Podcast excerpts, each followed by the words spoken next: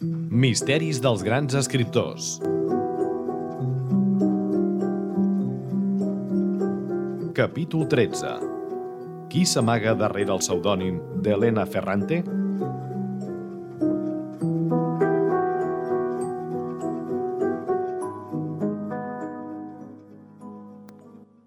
Sílvia, qui es deu amagar Hola. darrere aquest pseudònim?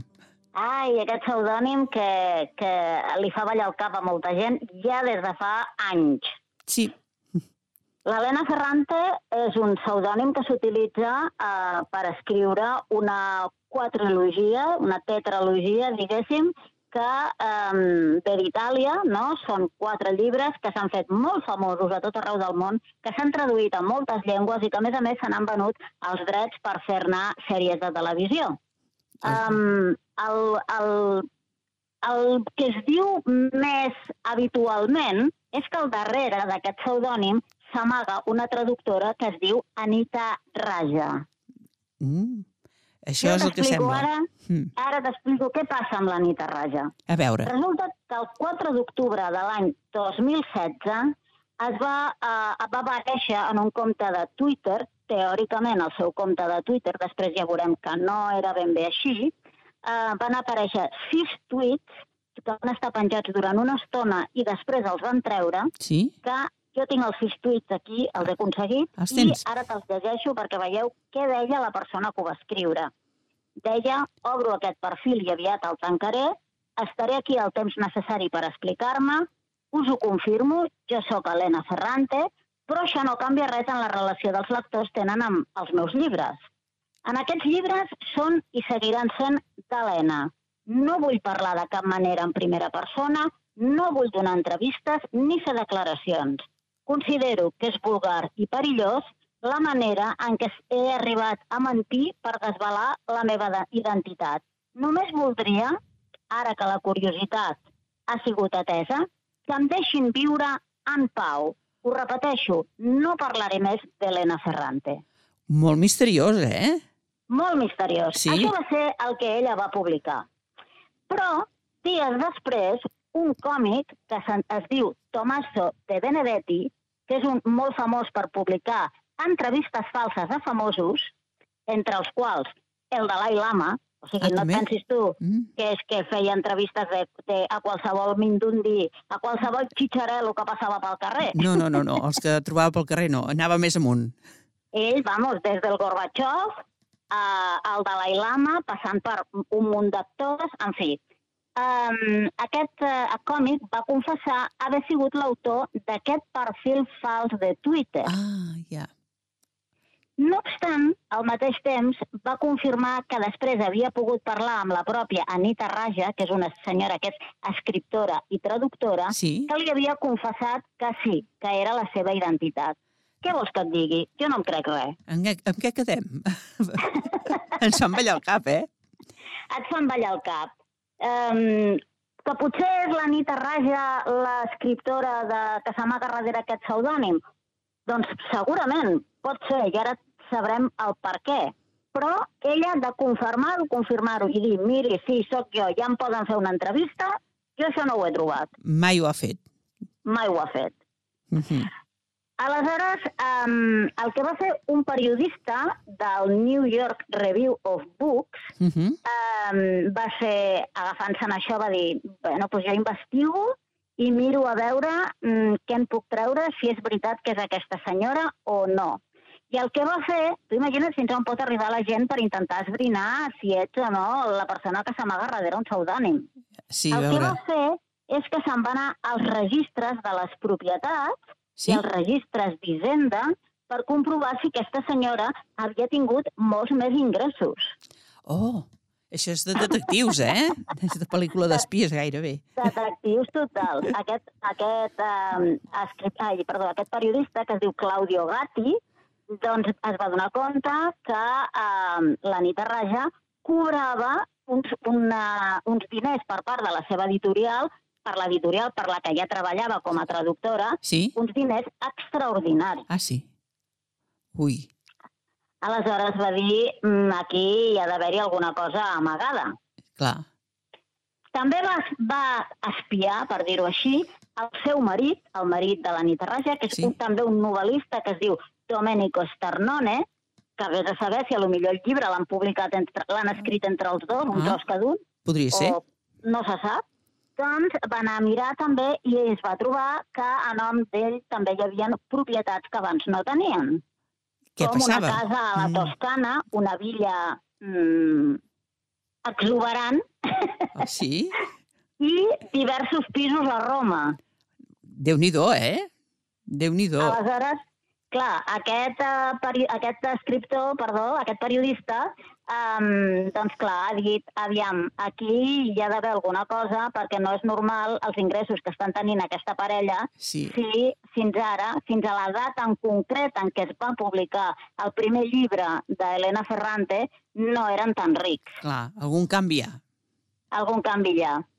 Uh, perquè et facis una idea, Gatti diu que els registres financers rebuts d'una font anònima, pots comptar que algú que treballa en un banc i s'ha xivat, Sí, sí. doncs mostra que els pagaments de l'editorial van augmentar el 50% l'any 2014, que va sortir el primer llibre, Sí? i el 150% el 2015.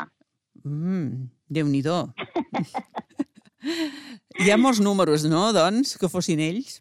Hi ha molts números que siguin ells, però ja et dic, confirmar-ho que surti ella i digui miri, sí, no ha sortit No ha passat. això.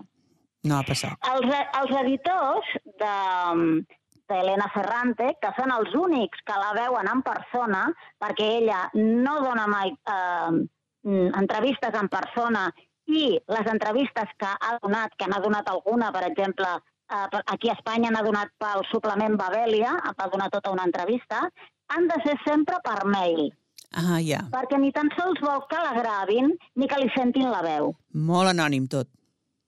Anonimíssim. Sí, eh? Quines estratègies. Estratègies de Um, màrqueting.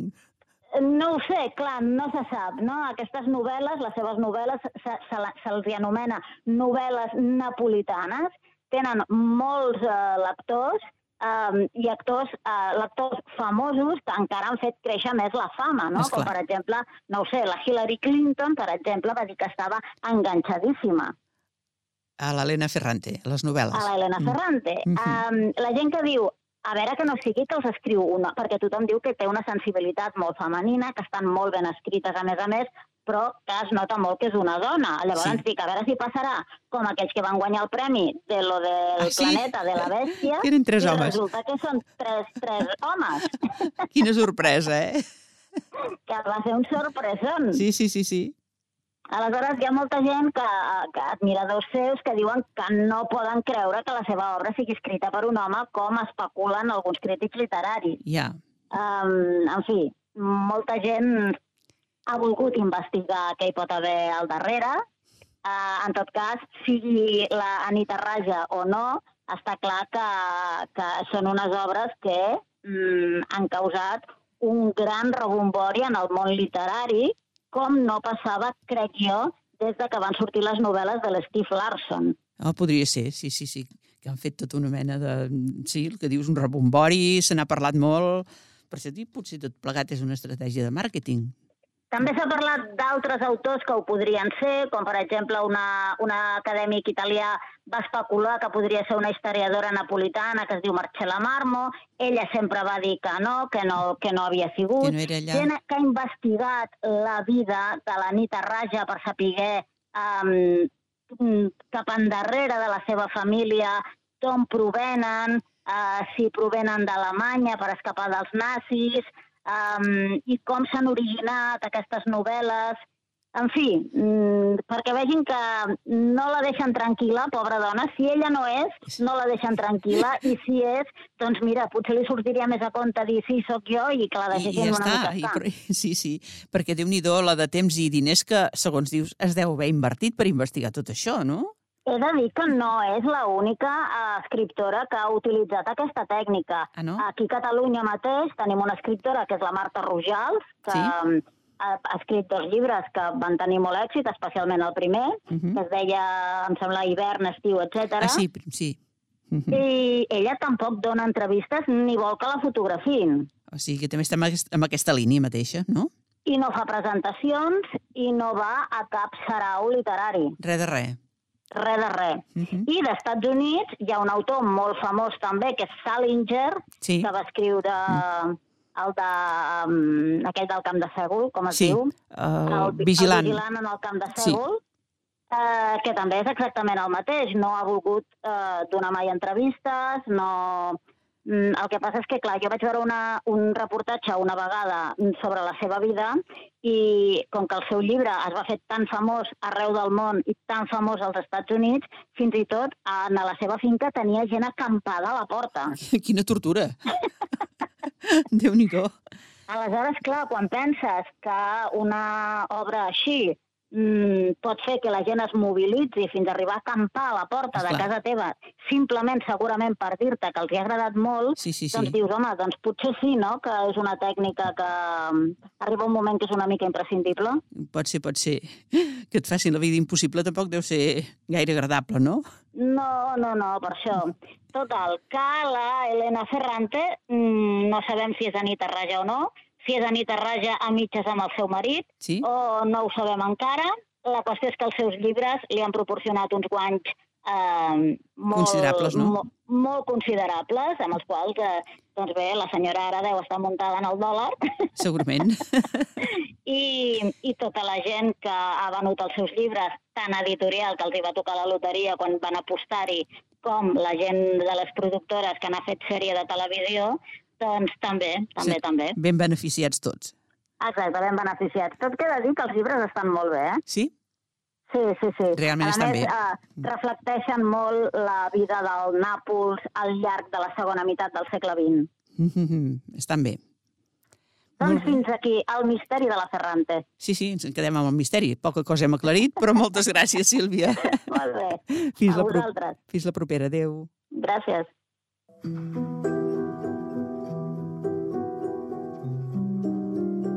Misteris dels grans escriptors, amb Sílvia Gené i Dolors Pinactelli.